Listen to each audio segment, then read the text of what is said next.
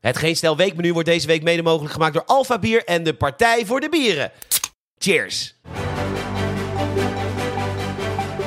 Welkom, leuk dat je luistert naar het Geen Stel Weekmenu. Het nieuwsoverzicht met de belangrijkste, meest opvallende gebeurtenissen van deze week. Maar dan natuurlijk ben ik knipoog.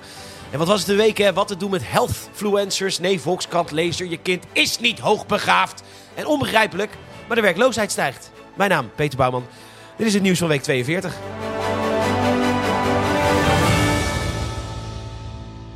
Als ik met deze podcast één ding wil aangeven, is dat sommige dingen waarvan mensen inmiddels helemaal denken dat het helemaal oké is, niet oké is.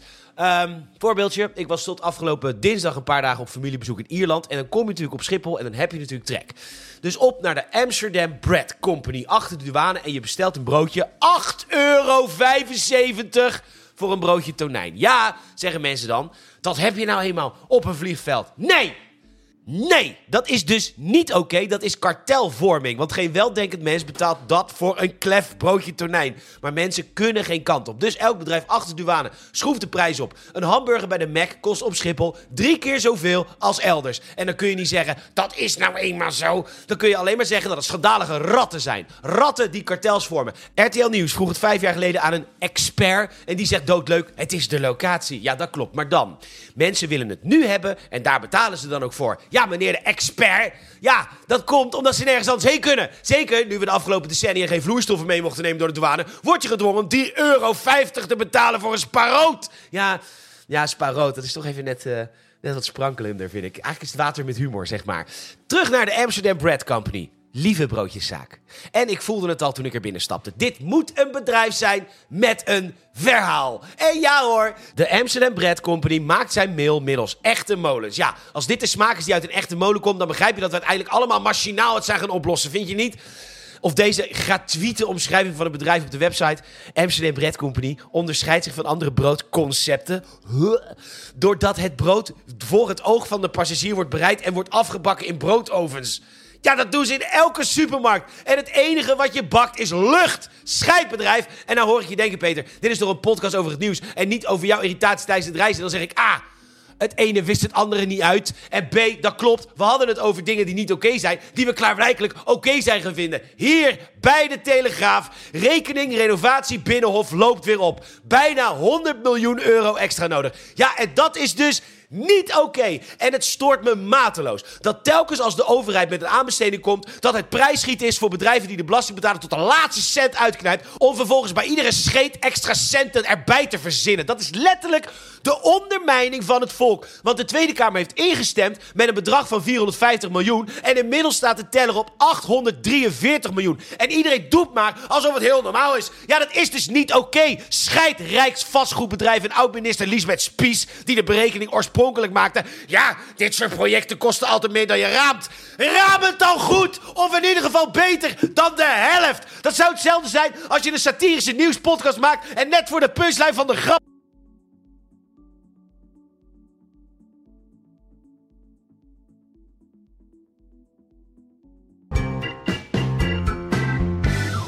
Dinsdag. Ik was dus in Ierland en, uh, en daar heb ik familie. En een vriendin van mijn Ierse nicht was net begonnen met soundhealing.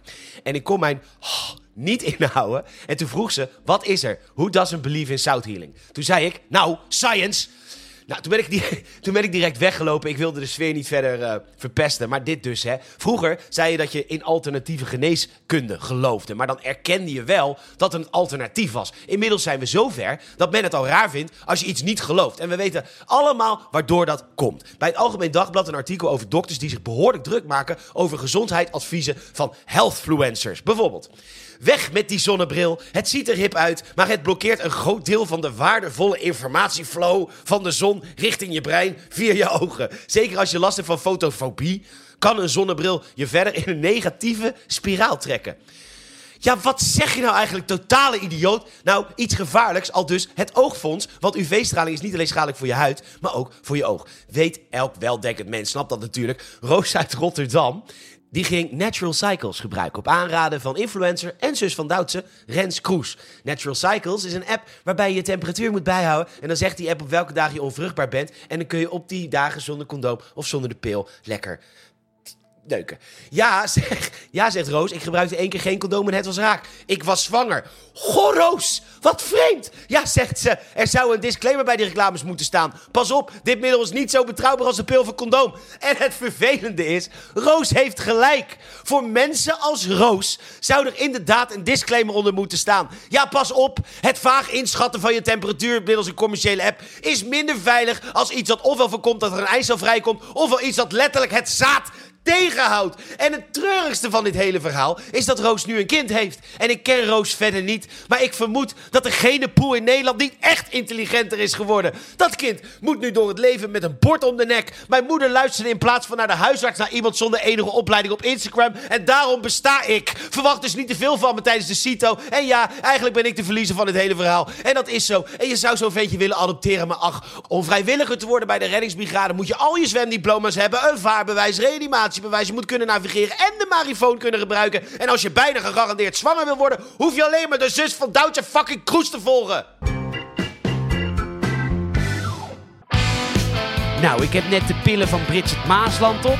Nou, dan weet ik in ieder geval zeker dat ik geen kanker kan krijgen. En ik heb nou van die heerlijke zoutkristallen gekocht. Ja, die staan overal in mijn huis. Daarvoor ga je zo heerlijk door je neus ademen. Allemaal die gezonde zoute lucht. Wist je dat je mond helemaal niet gemaakt is om te ademen? Nee, mond is gemaakt om te eten. Je moet ademen door je neus. En ik weet nou zeker dat het helemaal goed komt met mij. Ik word wel 100. Ik plak een plakker op mijn lip net voor het slapen gaan. Ik heb mijn eten nu al zeven dagen laten staan. Gebruik echt geen condooms. Gelezen op het web. Ik gebruik een leuke app. De pil die mag dan al dus 60 jaar verkrijgbaar zijn. Je verwacht het niet, hè? Ik ben echt heel speciaal, hormonen vind ik echt niet fijn. Ik slik dus niet de pil. Gebruik liever een crème, dat zag ik op Instagram. Ongewenste zwangerschap. Ongewenste zwangerschap. Kan niet waar zijn, het kan echt niet waar zijn. Het kan niet waar zijn. Het stond op Instagram. Gebruik geen zonnebrillen meer tegen fotofobie. Je verwacht het niet, hè? Dat is zelfdiagnose, want de arts vertrouw ik niet. Het is volle maan. Dus ik verzet de klok. Dat was vandaag op TikTok. Op mijn veertigste al blind. Op mijn veertigste al blind. Het kan niet waar zijn, kan echt niet waar zijn. Het kan niet waar zijn.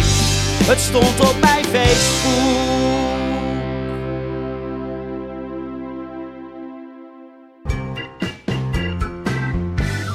Dan lees je de Volkskrant. Dan sta je natuurlijk eigenlijk al mijlenver verwijderd van het volk. En dan krijg je ook nog dit soort poep te lezen. Opvoedvraag. Weer een tekening van je kind. Zit er een betekenis achter het kunstwerk? Nee! Nee! Jouw kind maakt geen kunstwerken. In dit artikel wordt verwezen naar een onderzoek dat erop duidt dat menstekeningen van kinderen tussen de 4 en 6 jaar oud aanwijzingen kunnen geven voor hoogbegaafdheid. Ja, in een onderzoek. Ja, gecontroleerd. Ja, maar dus niet jouw kind, Volkskrantlezer. Ik zie ze alweer aan de keukentafel zitten vanavond. Um, schatje, wat ik lees in de Volkskrant, ik weet het zeker. Jupiter moet hoogbegaafd zijn. Altijd al geweten dat hij de beste was in de klas. Nee, nee, je kind is niet hoogbegaafd.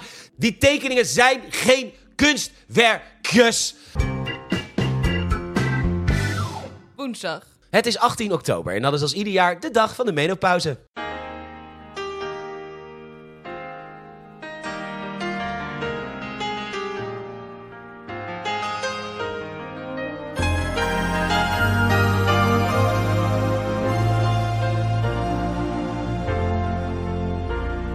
De dag van de menopauze. En dus in het Algemeen Dagblad Een opiniestuk met zorg dat vrouwen in de overgang erkenning en ondersteuning krijgen op de werkvloer.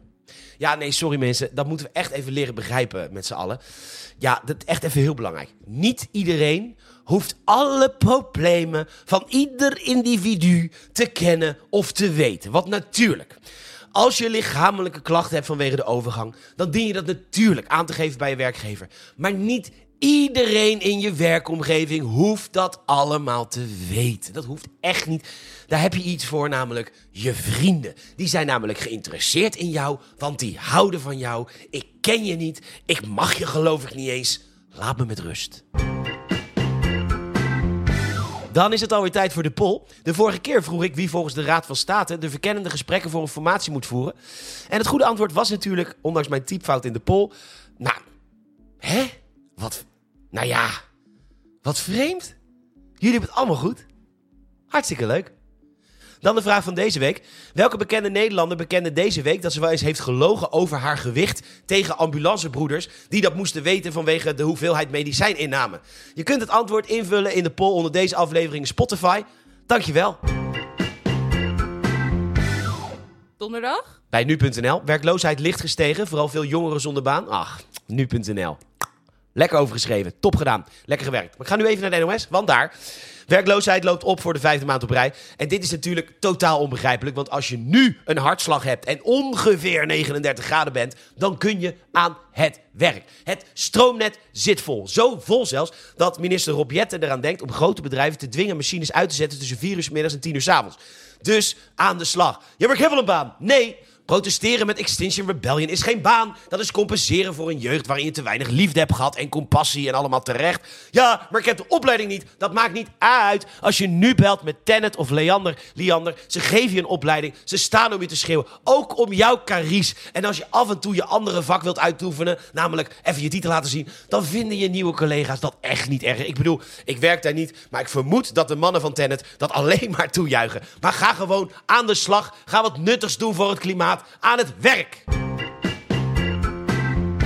Kijk, tot ongeveer drie jaar geleden was de plek waar je in iemands huis afsprak voor een drankje of een hapje, ofwel de woonkamer en dan met name de bank, ofwel in de keuken en dan aan de keukentafel. Gezellig. Maar dat is de afgelopen jaren compleet veranderd. Ik heb nog nooit zoveel zolders gezien als de afgelopen jaren. En in plaats van naar een tv kijken op de achtergrond, keken we naar een cv-ketel. Of sorry, Sorry, een slimme. Ja, een slimme cv-ketel. Ontzettend intelligent. Ja, en hoe vaak ik te horen heb gekregen... Ik heb ze er binnen twee jaar uit, hoor. En, kijk, dit heb ik vandaag verdiend. Maar, ik doe het voor het klimaat, hoor. Ja, dan moet je, nu het voor zonnepaneel-eigenaren geld gaat kosten... ook je grote, zelfvoldane bek houden. Ja, maar, ja, maar, ja, maar. Nee, ik bedoel, weet je waarom ik, weet je waarom ik nu het woord salderen alleen nou ken? Dat komt door jou. Het is niet een mooi woord die mijn leven verrijkt. Het is een vervelend woord, gebruikt door vervelende mensen. Dus hou je bek! Via het parool. We gaan weer even terug naar de stad van verdraagzaamheid, liefde en vrede. Amsterdam. Lieve stad. Een klein stukje geschiedenis. Het knijterlinkse college al daar wilde windmolens plaatsen bij, uh, in het ei bij Eiburg. Uh, maar Eiburg, daar wonen bijna uitsluitend D66 en GroenLinks stemmers. En die vonden dat dus helemaal niks. Nee, van windmolens krijgen Parel en Vlinder Jezebel kanker. Dus kwamen vader Sven, moeder Ingrid en moeder Harry in verzet. Conclusie, geen windmolens in het ei bij het GroenLinks district, dan maar bij Tuindorp. Ja, dat is niet erg, al die PVV-kindertjes, dat die daar kanker krijgen. Laten we inspraakavonden organiseren, waarbij je één ding zeker weet, daar is nooit sprake van inspraak. En dus was de beslissing genomen. Windmolens in de achtertuin van de Untermenschen. Kleine formaliteit alleen nog. De provincie moet zoiets goedkeuren. Inmiddels een zogenaamde verklaring van geen bedenkingen. Iets wat de provincie eigenlijk altijd afgeeft, zonder, zonder twijfel. Maar, ja, nu zijn er grote twijfels. Bij VVD en BBB omdat Amsterdam, je verwacht het niet, niet heeft geluisterd naar bezwaren van buurgemeenten Zaanstad, Oostzaan en Landsmeer. En nou hoor je die Amsterdammers denken: Zaanstad, Oostzaan en Landsmeer. Die mensen drinken toch koemelk? Die eten toch vlees? Wie zijn die mensen? Nou, dat zijn mensen die tijdens de provinciale statenverkiezingen hebben gestemd. En zij worden nu gehoord. Het eindoordeel volgt in november. Maar het is in ieder geval fijn dat de mensen van Tuindorp wel gehoord worden door de provincie. Wordt vervolgd. Dan nog even een laatste dingetje. Ik was gisteravond eh, eh, optreden in, eh, in, in Breda op de kermis.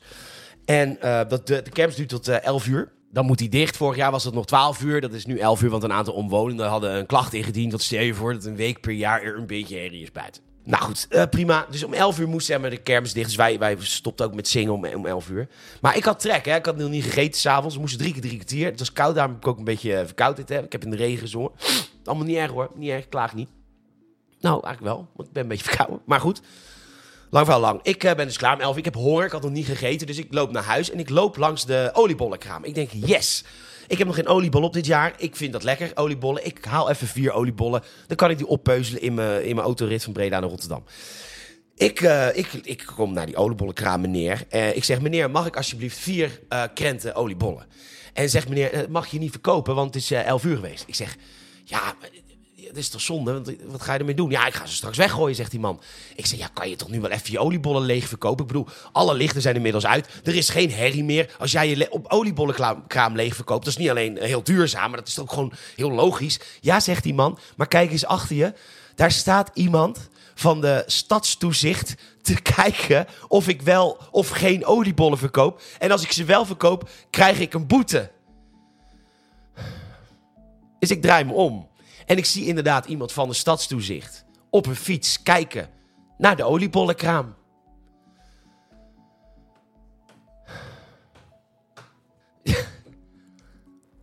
Ja. Ja, wilde ik even kwijt. Ja, ik snap het, Israël. Maar dit is ook erg. Dan is het alweer tijd voor wat eh, feedback van, eh, van jullie kant. Sam, de beste manier om op de hoogte te blijven van alles wat er in de wereld speelt. Ga zo door, dankjewel. Eh Gerriet luistert altijd tijdens pizza bezorgen. Wat heerlijk, wat fijn voor je, helemaal top. Raymond heeft dus nu wel echt geleerd dat Bassie vlugge Jaapie was en vice versa. Weer wat geleerd, hartstikke goed. Jarnik, voor de studie docent maatschappijder moet ik de actualiteiten volgen. Waar anderen het nieuws kijken en de krant lezen, luister ik dit. Perfecto.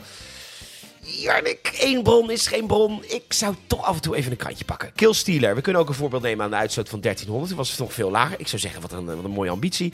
Robert wens me een fijne uitgeruste vakantie toe. Nou, het was een drankvakantie. En familie... Ja, dus was, kwam moer terug. Logpoor, croissant of croissant. Het is natuurlijk gewoon eh croissant. En Dennis, ehm, fijne vakantie. Goed aan je familie. Heb ik gedaan. En zij zeiden...